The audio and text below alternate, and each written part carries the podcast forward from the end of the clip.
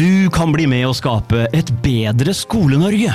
Podkasten har allerede rundet 100 episoder, fulle av forskningsfunn, oppskrifter, suksesshistorier og praktiske løsninger. Gjør som 60 000 andre, eller hver tredje lærer i Norge. Bli med på reisen mot å skape en bedre fremtid for barn og unge. Et bedre Skole-Norge.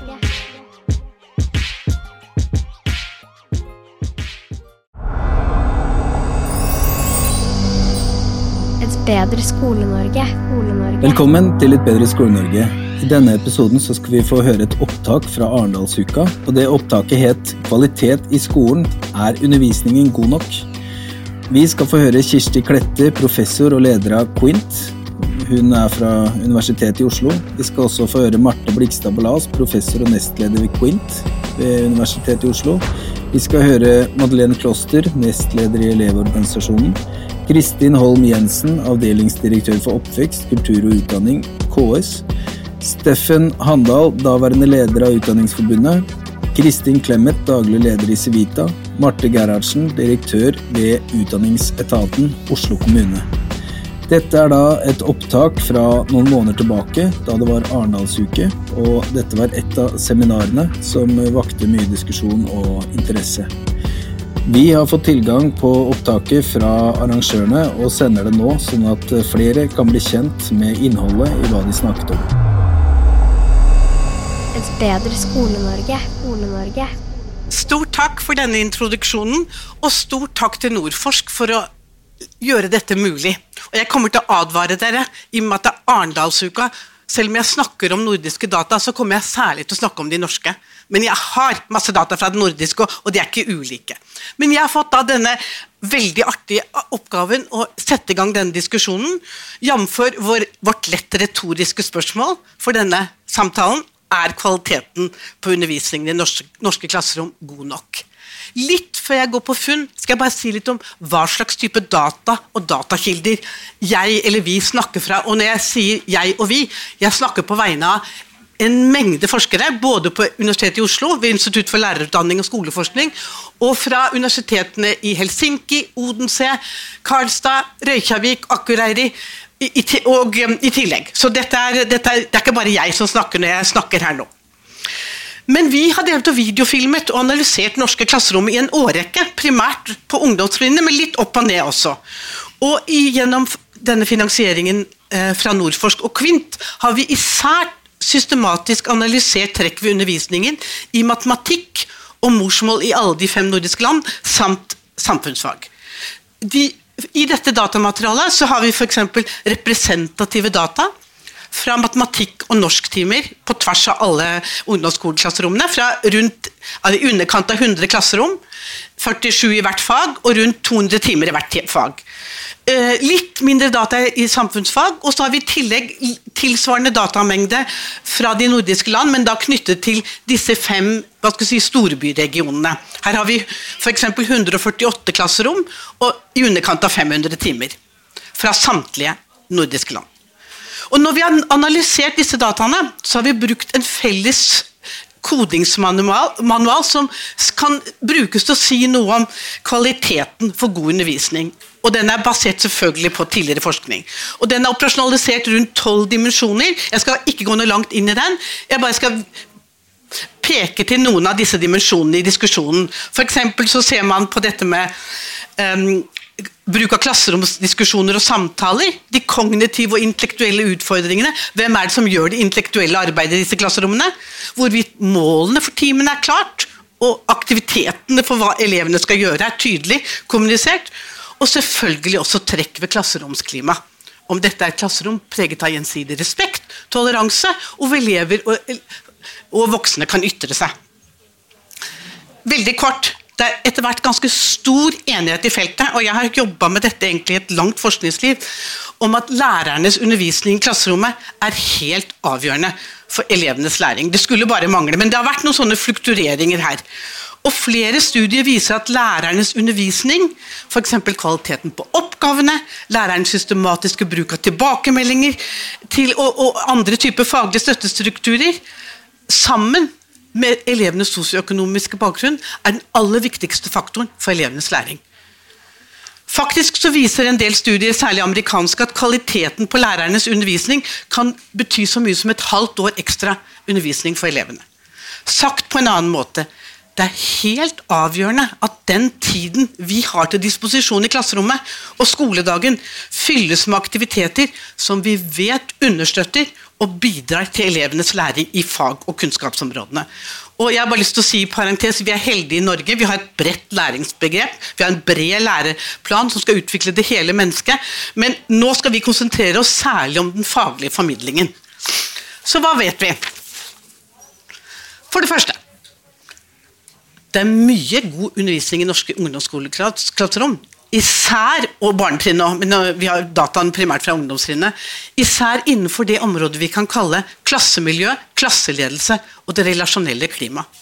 Det er en god tone mellom lærer og elev.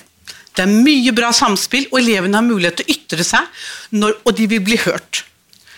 Når vi måler f.eks. klasseledelse i, i, dette, I, denne observasjonsmanualen så ser vi på det relasjonelle klimaet især, og tidsbruken. Og Der ligger hele 98 av, de, av, vårt representative materiale ligger opp på den høyeste eh, altså Vi scorer fra en skala fra 1 til 4. Det ligger på rundt 3 til 4. Gjennomgående er det relasjonelle klimaet og kompetansen blant norske lærere og nordiske jeg skal komme tilbake til det, veldig god. Og jeg bruker ofte dette til å såkalt friskmelde norske lærere når det gjelder klasseledelse. Her er det gjort et godt, systematisk arbeid det siste tiåret. Og jeg sier det fordi for, no, altså tolv år siden var, var det rapportert om mye uro og bråk i norske klasserom. Og jeg har bare lyst til å si at I vårt datamateriale så har vi jo ikke med disse diskusjonene om vold i klasserom som har vært særlig i media det siste året. Med, altså Kanskje særlig vold mot lærere. Og Det er kanskje knytta til kan vi videofilmer, så det, vi får ikke det med. Men også litt at dataene våre er ikke helt, altså de er ikke ferske fra i fjor. De er noen år tilbake. Men uansett, det er viktig i seg selv og må selvfølgelig tas på alvor. Men det rokker ikke ved hovedbudskapet, nemlig at Klasseledelse og tonen i de fleste norske klasserom er gjennomgående god, og kanskje viktigst, norske og nordiske lærere gjennomviser et bredt og veldig sofistikert repertoar i klasseledelse, som er gjennomsyret en god, tolerant og respektfull, inkluderende tone. Og Dette er helt i tråd med internasjonal forskning. om Det som er interessant med oss, Norge og Norden, er at vi eh, scorer litt høyere enn alle de andre, og så er det ganske lite variasjon. Det betyr at det er ikke så stor forskjell på dette mellom de ulike klasserommene, som er viktig. Så, punkt nummer to. Faglig støtte. Får elevene hjelp nok? Vi har sett på faglig støtte i ulike fag. Altså, som jeg sa, Primært matematikk og morsmål og litt samfunnsfag. Vi har noen andre fag òg, eh, men jeg skal ikke dra det inn her. Og, og ser at selv om læreren er tydelig på hva elevene skal gjøre, er de jevnt over li, li, ikke like tydelig når det gjelder hvordan man skal gjøre det, og hvordan man skal løse oppgaven, og ikke minst hvordan kravene til en god løsning av oppgaven skal være. Eksempel. Og her er det noen interessante forskjeller mellom fagene, f.eks. mellom matematikk og norsk. Og hvor ofte norskfaget, morsmålsfaget, framstår som mer vagt og uklart enn matematikk. Det er mer støttestrukturer tilgjengelig for elevene i matematikk. Dette tror jeg egentlig er litt nytt. Vi ser f.eks. en underbruk av det vi kan kalle systematisk bruk av eksplisitt undervisning knyttet til f.eks. tydelige tilbakemeldinger, klare mål for timen, eller som nevnt, altså hvordan løse en oppgave. At f.eks. læreren modellerer hvordan løse oppgaven. Her har vi et stort potensial for forbedring og utvikling gitt våre data, og også den internasjonale forskningen. Det brukes f.eks. ganske mye tid på tilbakemeldinger i norske klasserom. 30% av all tiden i mattetimene var brukt for til tilbakemeldinger. Men disse er ofte positive, vage litt prosedurale og veldig generelle. Fint, supert, fortsett sånn. Litt sånn den type ting. For at disse tilbakemeldingene skal hjelpe elevenes læring, må de ha et visst kvalitetsnivå. De må være konkrete, de må være spesifikke og knyttet til den spesifikke oppgaven. Først da hjelper tilbakemeldinger for elevenes læring. Her har vi et stort Samme gjelder f.eks. For, for mål for timen. Er, ofte så står det mål for timen, eller læreren sier det sånn generelt i begynnelsen. Men de er også veldig ofte litt sånn generelle og mangler det spesifikke og konkrete knyttet til hvordan og hvorfor er dette viktig, og hvordan hjelper dette elevenes læring i faget. Her har vi et stort utviklingspotensial, og vi kan si her er det mange misbrukte muligheter. Det er mye sånn score 2, men de må opp på en høyere skala for å bidra til læring. Sist, men ikke minst. Vi gjør mye viktig. Men vi har et ubrukt potensial vil jeg hevde, knytta til det å jobbe systematisk med enkeltelementer for undervisningen, som f.eks. det med tilbakemeldinger, eller bruk av mål for timen, eller modellere en oppgave. Og Forskning viser at dersom man jobber systematisk med det, ikke bare får man en klarere fokus på det, som gjør at det i seg bidrar til bedre tilbakemeldinger, og dermed et bredere repertoar, men det å jobbe systematisk med ett element får også overføring til andre undervisningssituasjoner. Jeg har bare lyst til å avslutte med å si Strukturelt er masse på plass i norsk og nordisk skole. Læreplaner, skolebygg, klasserom, ressurser, IT-tilgang, sånne type ting. Det er noen ting vi enda skal jobbe med. Men forskningen vår viser især at det er rundt den faglige formidlingen. Systematisk jobbing rundt kvaliteten på den faglige formidlingen. Der er jobben å gjøre. Takk.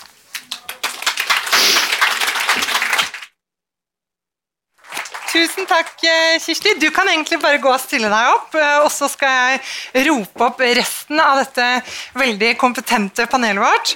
Eh, og Vi kan starte med Madeleine Kloster, som er nestleder i Elevorganisasjonen. Du kan komme og stille deg opp her.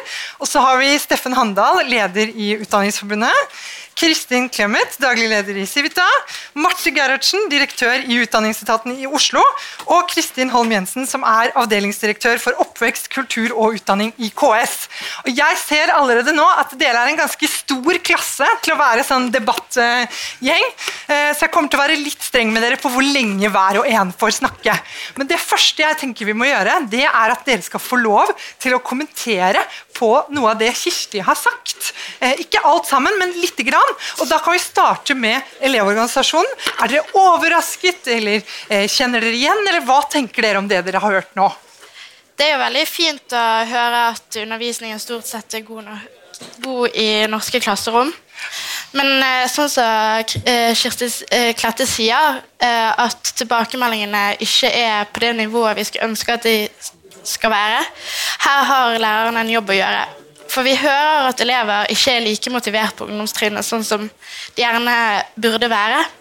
Og Her er gode tilbakemeldinger med konkrete mål og muligheter for elevene til å forbedre seg veldig viktig for å kunne gi elever motivasjon og mestringsfølelse i løpet av skolehverdagen.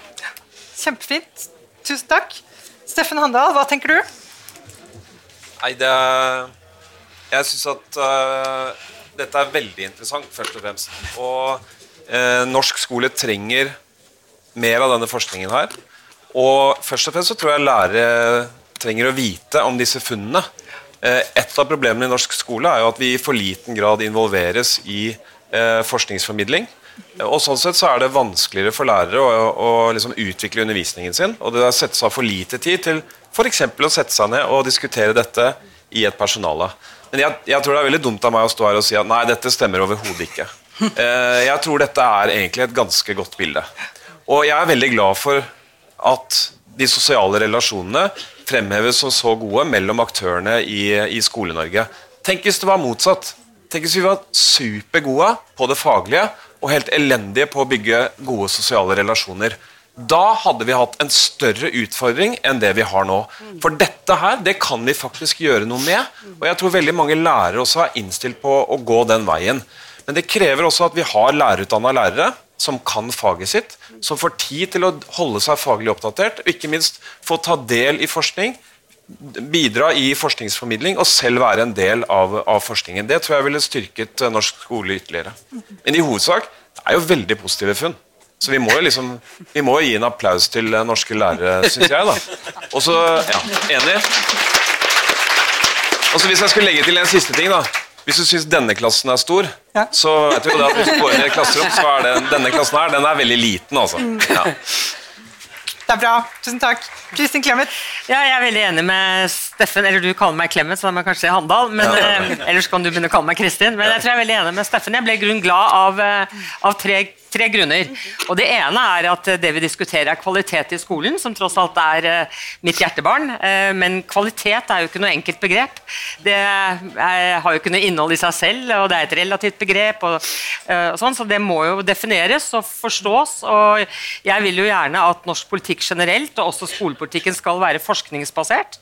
Eh, og, eh, så Den andre grunnen til at jeg blir glad ved å komme hit, er at vi nå får høre om god forskning, eh, som er veldig bra. Da kan jeg jo legge til, siden dette er et nordisk arrangement, at da jeg var utdanningsminister for 100 år siden, så var jo, ble, var jo Norge kjent for å ha mye skoleforskning. Så danskene var ofte glad for at vi hadde det, for da kunne de bruke den forskningen. Fordi landene tross alt var så like. Jeg vet ikke om det står så bra til i Norge nå, men vi trenger mye skoleforskning.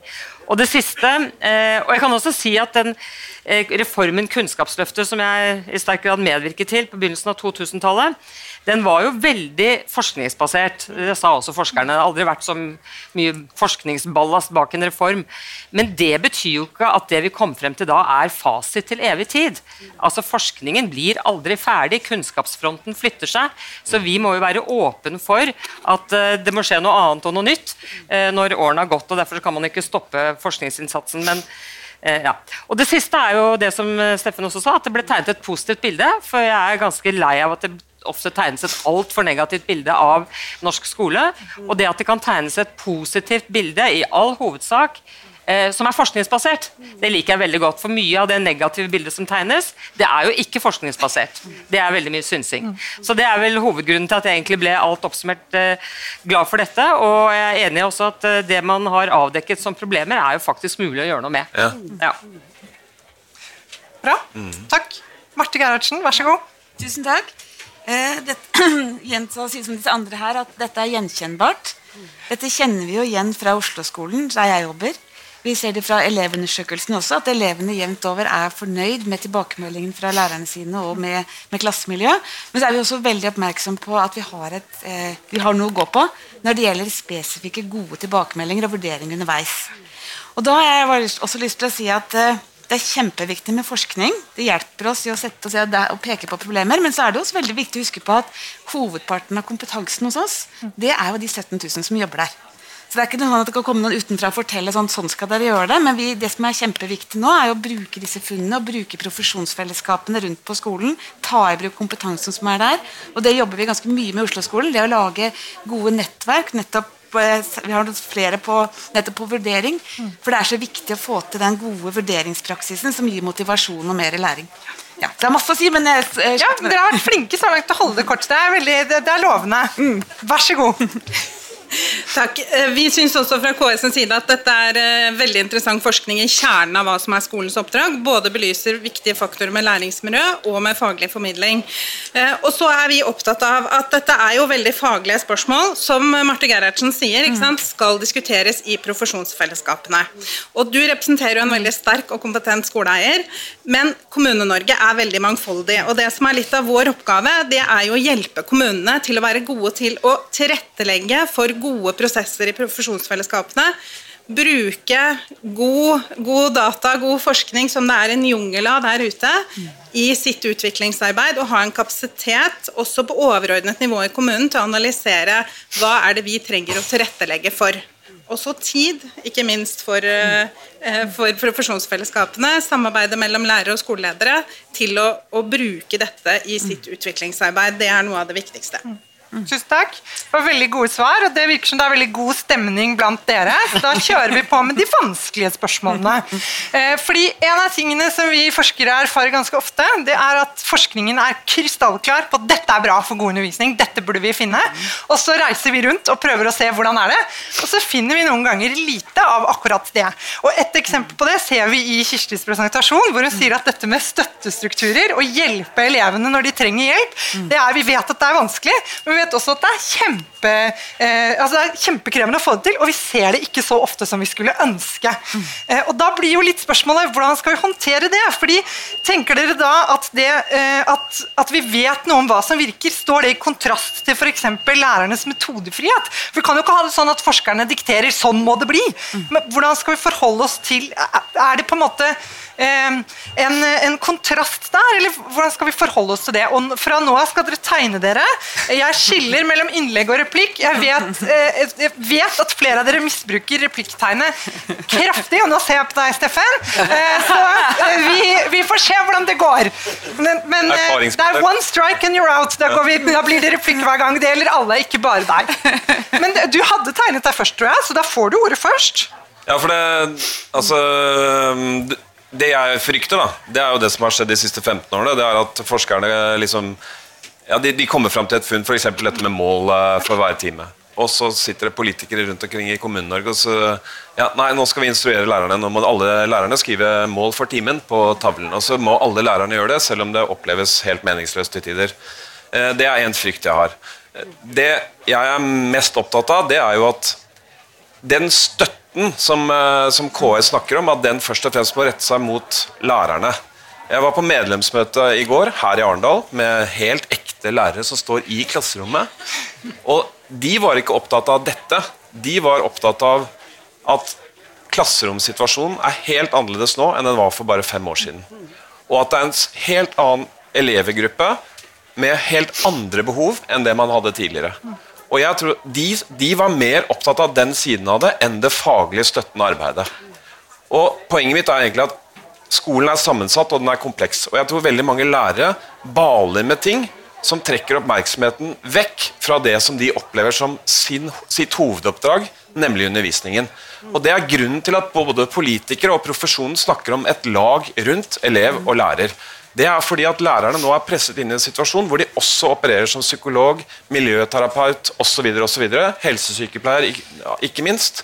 Og det må vi gjøre noe med. Jeg tror det er lettere for lærere å jobbe med å forbedre undervisningen hvis vi kan ha hovedfokus på det. Ja. Det er veldig bra.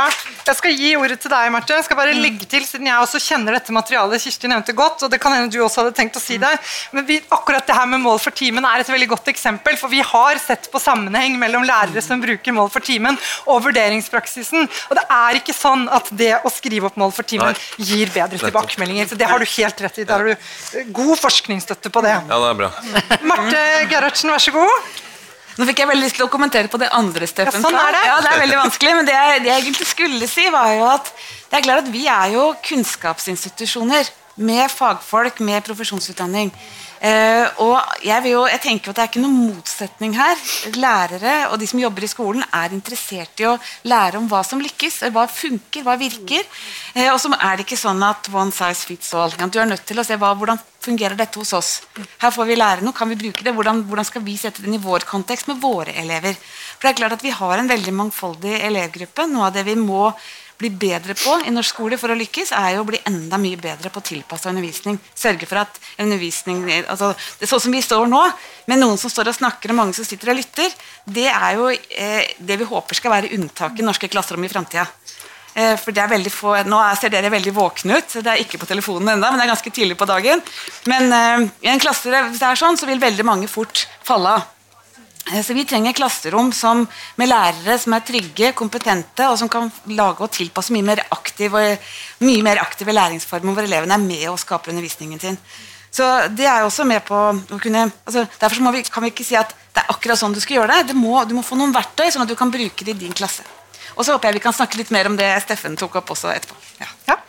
Eh, Kristin Holm Jensen. Ja, um det er faglige spørsmål hvordan man driver faglig formidling, og det er viktig at man har god forståelse både i administrasjonen og blant lokalpolitikere om hva som er de ulike aktørenes rolle, og at man gir godt rom både i skolen og andre fagområder til at profesjonene skal få drive sin egen fag- og metodeutvikling.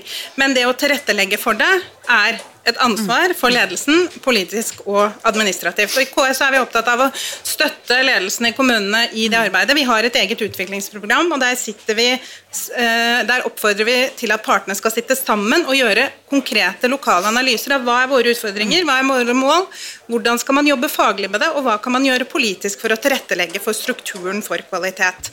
Og Det vet vi også fra forskningen til eh, Sylvi Lillejord bl.a., at den lokalbaserte utviklingsarbeidet er veldig viktig. Og så eh, enig med Steffen i at læreren må få tid til å være lærer. Derfor er jo KS også opptatt av alle de andre yrkesgruppene. Vi jobber med at barnevernet skal styrkes, sånn at ikke læreren må overta barnevernets ansvar, eller når psykisk helsetjeneste har pressa kapasitet osv. Men det er mer av den strukturkvaliteten, eller hva vi skal si. Ja. Kjempefint. Da har jeg Steffen. Det ble sagt eh, fra Kirsti Klette veldig raskt innledningsvis i hennes eh, innledning at hun er glad for at vi har et bredt kunnskapssyn, eh, og sant, at vi ser hele eleven. Eh, det er en setning som er så utrolig viktig, og som innebefatter så mye for norske lærere. Vi opplever et, eh, et samfunnsoppdrag som har veldig mange mål. Og i den gamle læreplanen i L97 så sto det faktisk rett ut at læreplanen har motstridende formål. Og det er lærerens oppgave å hele tiden vurdere hva som er viktig der og da. Og det, det, må vi huske på at Når vi diskuterer én ting i norsk skole, så har vi en tendens til å konsentrere oss bare om det og glemme alt det andre. Det fins mange mål, det er motstridende, og lærerne må gjøre prioriteringer. Og så, ble, så, sa du også at vi vet jo hva som virker, på et tidspunkt. Nja, gjør vi det? Det er faktisk sånn at vi ikke helt vet hva som virker. Det er ikke enkle eh, årsak-virkningssammenhenger i norsk skole. Vi vet at hvis vi fokuserer på én ting, så kan vi se sammenhenger. Men hvis vi kombinerer det med andre mål, så blir det mer komplekst. Og Derfor må vi ha en respekt for kompleksiteten. Og så skal jeg ta livet av et begrep som er nært knyttet til lærerprofesjonen, og som jeg tror vi strever litt med selv også, og det gjelder metodefrihet. Jeg har i mange år egentlig prøvd å avlive det begrepet, fordi jeg mener at vi ikke har, det er ikke snakk om en frihet det er snakk om et ansvar. Vi skal ta ansvaret for de metodene som profesjonen selv velger å bruke. Og Det er en helt annen måte å tilnærme seg et veldig viktig spørsmål for elevene. For elevene sitter der, og egentlig bør de ha mer medvirkning på hvordan undervisningen ser ut, men de må også forstå at det er læreren sitt valg, det er vårt ansvar å faktisk stå for det, det metodevalget som skjer. Så Derfor ikke si metodefrihet, bruk metodeansvar. Det syns jeg er bedre for alle partene. Kirsti? Jeg er helt enig i det. Metodeansvar er et bedre begrep, og egentlig så er det veldig sterkt kobla til autonomibiten. Ja. rett og slett. Men, og det er klart at det er ekstremt viktig, men for å utøve det, så må det være en kvalitetssikring av det metodeansvaret. Og der, altså der burde hele sektoren ta ansvar. Lærerutdanninga, profesjonene, eh, styringsinstrumentene, sånn at det ble mye tydeligere. fordi det er jo et enormt stort ansvar for hver lille skole, hver lille kommune, å på en måte gjøre den diagnosen og si at hva er det vi skal jobbe med nå. Og så har jeg lyst til å si en ting knytta til dette her med kompleksiteten. fordi det alle vi er enige i det, og Klasserommet er kjempekomplekst, og læring er kjempekomplekst. Men det har vi sagt i 90 år. Eh, og, og altså, hva må jobbe, mitt, basert på den forskningen vi sitter på, så hva med å begynne å jobbe være litt mer systematisk? Og se, se, Kanskje vi skal jobbe veldig målretta med det med tilbakemeldinger, gitt f.eks. at det også er en veldig fin måte å koble elevenes motivasjon på. Og så se hvordan det kan bidra til å både høyne repertoaret der, og med overføring til andre elementer. Mm. Sånn at det, altså, Du får ikke løst dette ved å si at det er så komplekst. det er så komplekst. Du må jobbe. og Derfor tenker jeg vi burde vært mye mer sånn villige til å prøve ut ting. Nå skal vi prøve å jobbe systematisk med tilbakemeldinger i Oslo-skolen. Se, hva, hva, skjer med det? Ja, men da har vi, Nå er det full replikk. Eh, nå, nå er det, rot på blokka, men jeg tror vi skal prøve oss med at du får en kort replikk. Eh, og så har jeg Kristin Clemet på innlegg, men da tar vi et kort svar fra Steffen, og så er det Kristin. Og så resten av lista. okay. Uh, men um vi er jo i gang med et systematisk arbeid med vurdering. Vi vil veldig gjerne utvikle det videre sammen med dere. Men jeg har bare lyst til å si det med kvalitetssikringssystem. Mm. fordi at eh, Vi har vært inne på ja, vi må gå inn i det enkelte klasserom se hva funker her, men vi er også nødt til å se hvordan, hvilke resultater får vi. Så det at vi har nasjonale prøver jeg skulle gjerne hatt de på litt tidligere i løpet også, sånn at vi kan være kvalitetssikre og være sikre på at elevene våre lærer det de skal, uansett hvor i byen de bor. Det blir veldig viktig i, i en by som Oslo, for eksempel, men også for hele landet. Så det at vi har Jeg ser på Tine Preut som sitter der og skal mm. hjelpe oss med kvalitetsutviklingssystemet fremover. Det trenger vi som skoleeiere. Vi må vite hva er det elevene våre faktisk lærer. Mm. Jeg er helt sikker på at du vil si noe nå, Steffen, og det skal du. Vær så god. Det at det å si at dette er komplekst, det er ikke et forsvar. Det er et faktum. Og jeg mener ikke at det betyr at vi ikke skal bore ned i enkeltelementer. Og det er faktisk sånn at Norsk skole har de siste årene både etter- og videreutdannet på visse felt. Og vi har også jobbet veldig aktivt f.eks. med klasseledelse, som du er inne på. Og jeg, jeg, det, det var ikke et forsøk på å si at det skal vi ikke gjøre, men hvis vi gjør det uten en erkjennelse av at dette er komplekst og sammensatt, så kan vi risikere å hoppe fra den ene grøfta til den andre. Det, det, det var mitt poeng. Og så er det dette med eh, kvalitet. Hva er kvaliteten? Det er jo et kjempeviktig spørsmål, og vanskelig for Tine Prøyd som sitter her. selvfølgelig og skal bygge et system som skal liksom måle kvaliteten i norsk skole, eller for den saks skyld bidra til å utvikle kvaliteten i norsk skole. Men i det utvalget så sitter det representanter fra ulike sider i denne sektoren. Og det som er interessant, det er at de klarer ikke helt å bli enige om hvordan skal vi måle kvaliteten. Så det er ikke så enkelt som å si at ja, nei, vi må ha høyere kvalitet. liksom. Hva da? Hva mener dere med det? Og det er ofte et underliggende eller lærere hører ofte under den beskjeden, og det handler nok om den politiske retorikken som har blitt brukt de 10-15 siste årene. Lærerne er ikke opptatt av å utvikle undervisningen. Det har ofte ligget litt under der som et sånt eh, premiss. Og det er så feil! Jeg kan bare ikke få sagt det nok. Lærere overlever ikke i skolehverdagen hvis de ikke er opptatt av å utvikle kvaliteten. Jeg tror, sammen med Elevorganisasjonen, at hvis vi skal få virkelig god utvikling, så må vi drive bunnsolid elevmedvirkning. Men ikke en elevmedvirkning der hvor elevene skal bestemme, men hvor deres stemme kommer tydeligere fram, og hvor deres erfaringer preger utviklingen av skolen enda mer. Det tror jeg faktisk veldig på, og det er det for lite rom til i dag. Og det burde egentlig stilles krav til synes jeg, fra myndighetene på en uh, røffere måte. Og når jeg sier det, så vet jeg at mange i lærerprofesjonen syns at jeg går for langt. De mener at vi vet best, og det gjør vi jo. Men vi må bli flinkere til å lytte til de som faktisk er utsatt for undervisningen vår. Ja, jeg tror nesten jeg glemte hva jeg skulle si, men uh, det er ikke så veldig farlig. Jeg føler meg litt uh, utdatert her, må jeg bare si. Men jeg hadde aldri trodd jeg skulle høre et ønske om enda en nasjonal prøve fra, fra deg. Men det, ja, det trodde ikke jeg heller. Også. Alle merket seg det. men, uh, men, er det et valgkamputspill? Nei, nei, jeg vet ikke. Jeg er ikke på valg! Ja, nei, men det jeg, som jeg må tenke litt tilbake på hvordan jeg følte litt, for at, altså, at det er vanskelig å definere kvalitet, det er jo opplagt. Altså, dette er et problem i hele offentlig sektor. At vi må eh, definere og bestemme oss for, og det bør variere over tid, etter min mening, hva som er viktige kvalitetsbegrep som vi liksom ønsker å styre etter nå. Eh, eh, men det som jeg var veldig bekymret for den gangen, og som kan kanskje være litt til KS, det er at én ting er å formidle den gode forskningen, den kunnskapen man tross alt har til enhver tid, til Oslo ja. kommune. Det er ikke så veldig vanskelig. Det er en kjempesvær etat, de kan følge med selv. Men dette er et veldig langstrakt land med mange små kommuner. Og det å bringe denne kompetansen og denne kunnskapen og forskningen frem til de små profesjonsfellesskapene rundt om i landet. Mm. Altså, det er ikke noen kommunikasjonslinjer. altså Utdanningsministeren si sånn, kan ikke sende en mail til alle lærere. Mm. For det, det, er ikke mulig. Mm. Det er ikke noen direkte Takk og lov. Ja.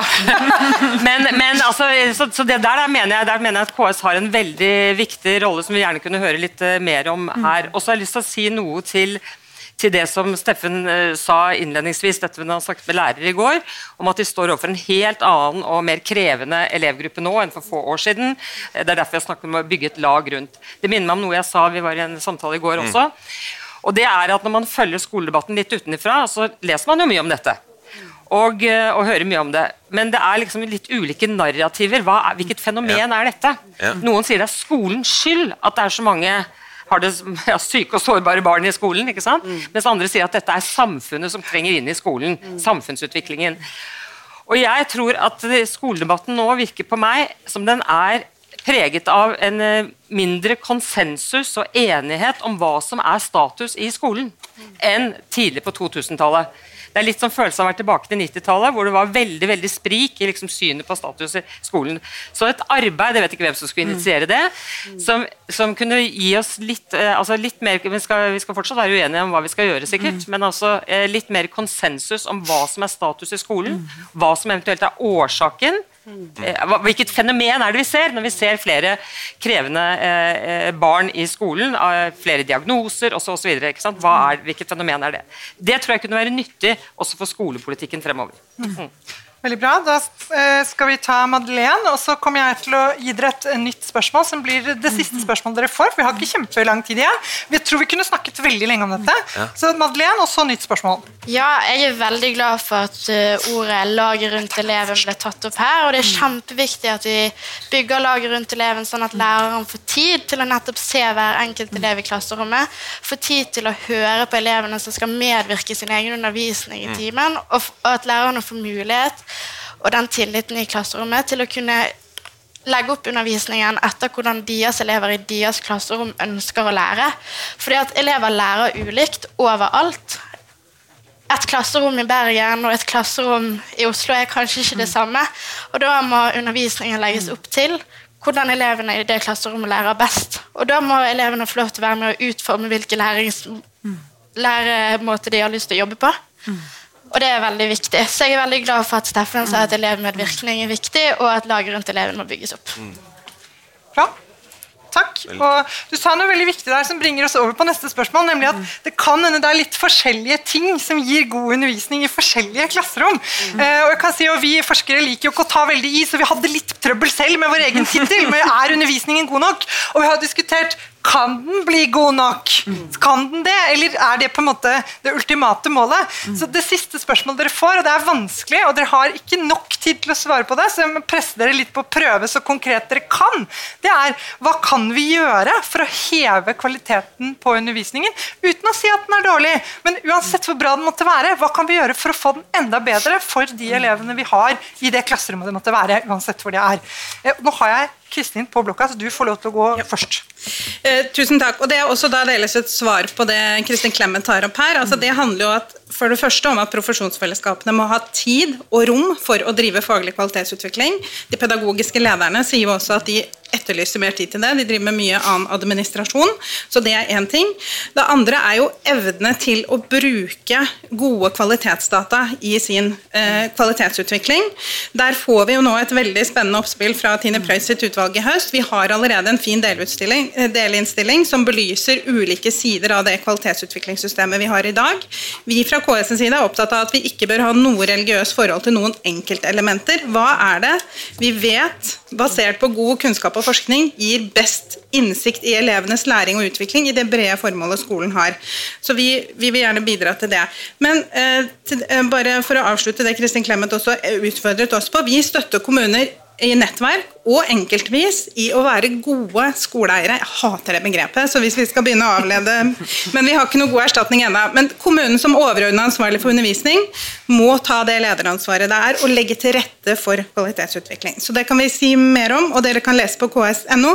Helt til slutt, um, Sammen med Elevorganisasjonen så har vi laget en FoU om hvordan man kan drive god elevmedvirkning. Håper flere vil lese den og la seg inspirere av det. Tusen takk. Eh, Da er det Kirsti, og kan forberede dere andre også på at nå kan det hende det er siste gangen dere får ordet. Vær så god, Kirsti. Det kvalitetsbegrepet det tror jeg må være et begrep som hele tiden diskuteres. Det, er, det er mange elementer i seg, og det, det er ikke én gitt ting. Og det er ikke, som, som Kristin Clemet sa, det er heller ikke på en måte sagt en gang for alle. Det, er, det er ferskvare til en viss grad. Og det tenker jeg er en kjempeviktig diskusjon. Men allikevel så tror jeg vi kan bli koke ned til noen ting vi mener er viktig. Og så, jeg har lyst til å bare gå tilbake til når dere, altså, dere har jo rett når jeg sa at vi, vi friskmelder liksom kompetansen for det sosioemosjonelle klimaet i klasserommet hos norske lærere, og nordiske, så er det resultat av et veldig bevisst og systematisk arbeid. Så man kunne brukt det som et eksempel på liksom å jobbe. Hvis man godtar f.eks. at her er det underbruk av god faglig støtte i den formidlingen av faget i klasserommet, jobbe systematisk med det. Og igjen, altså den forskningen som viser at når man begynner med det, så får det sånn dominoeffekt. Så Det er én måte å tenke liksom, å jobbe kvalitet i skolen på. Og Det er sånn, altså, det er litt det samme som for eksempel, du skal lage en tomatsaus. Det du må kanskje ha tomat og hvitløk i den, men det, er mange andre varianter, og du kan gjøre det på veldig mange måter. Altså, Det er mange veier til en god tomatsaus. Bare det har noen sånne grunningredienser. Det er mange veier til å få de gode tilbakemeldinger, og bare det har noen felles kvalitetstegn. Og så tenker Jeg bare lyst til å understreke de av dere som drar opp elevstemmen som så viktig. Det har jo vi også med i dette materialet, så vi har jo spørreskjema til alle elevene. Vi har videofilma, og det er utrolig artig og veldig rimelig og kloke synspunkter på undervisningen som burde vært brukt i mye større grad. Det er en underbrukt ressurs. Marte? Ja, Hva er det viktigste? Hva skal til? Jeg har lyst til å si tre ting. Det første jeg egentlig bare si det Madeleine sa. Vi må bygge laget til elevene. Altså Vi er nødt til, vi kan ikke la skolen gjøre alt. Skolen må få være skole. Vi må ha det laget rundt med barnevern, bydel, idrett. Alle disse som, som er med på å lage den landsbyen rundt barna. Så Det er kanskje det aller viktigste, for da får skolen muligheten til å være skole og fokusere på undervisning. Og så er jeg kjempeopptatt av at skal vi utvikle kvaliteten i undervisningen videre, så må det være kunnskapsbasert. Da trenger vi data, vi trenger forskning som det dere gjør. Bare gjenta det at Vi, vi trenger altså kvalitetssystemer som gir oss som skoleledere og skoleeiere kunnskap om hvordan elevene utvikler seg. Kjempeviktig. Og så har jeg lyst til å avslutte med å si at jeg tror kanskje at norsk skole aldri har vært bedre enn nå. Vi har kjempekompetente lærere. De har gjort en fantastisk innsats. med, med måtte, Nå jobber vi med å implementere nye læreplaner, bygge profesjonsfellesskap, få den elevaktive rollen mye mer opp og eh, mye mer dominerende for en eh, med mer sentral del i utviklingen av undervisningen. Så vi har innmari mye å være stolte av. Det tenker jeg, I den narrativet om norsk skole skal vi først og fremst være skikkelig stolte over at vi har en veldig god skole, flinke folk, og så har vi noen ting vi skal bli bedre på. Mm. Madeleine?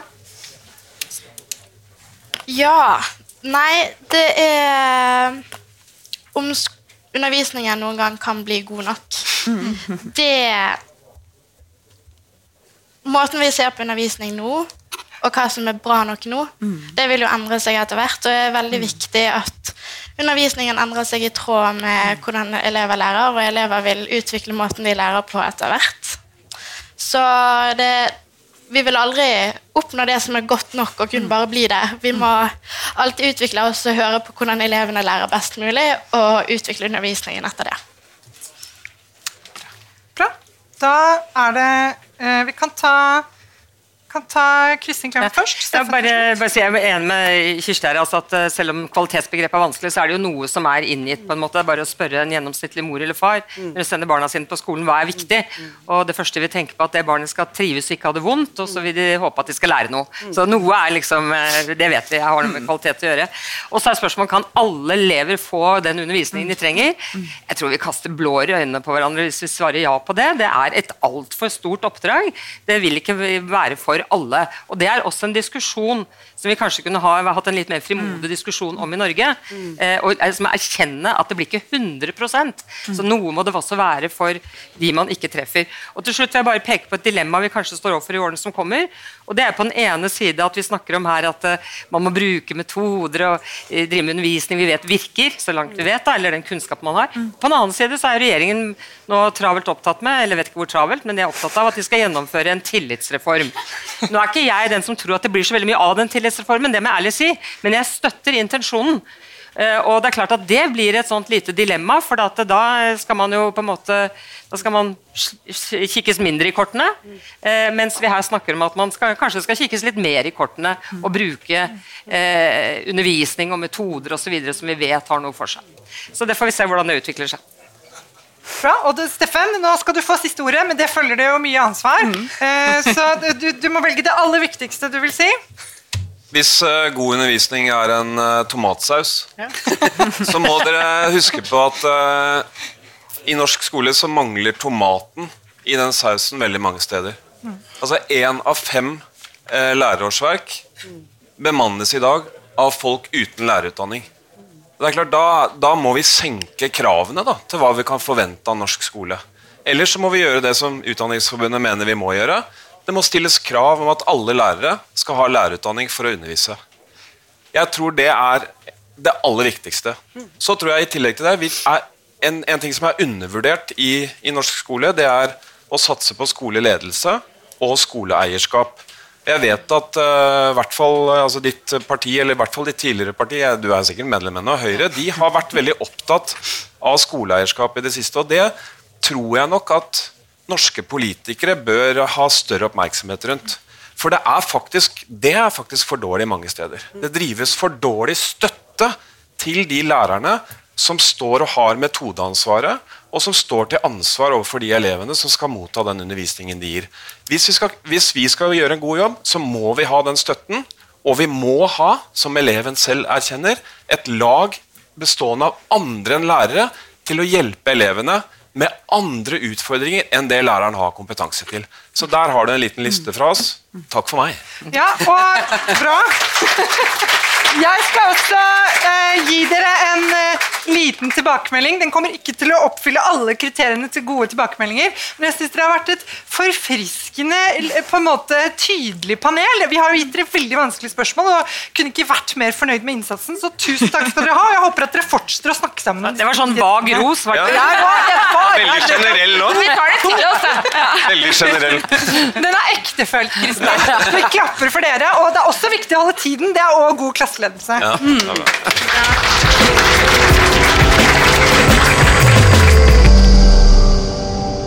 Et bedre Skole-Norge. Skole-Norge.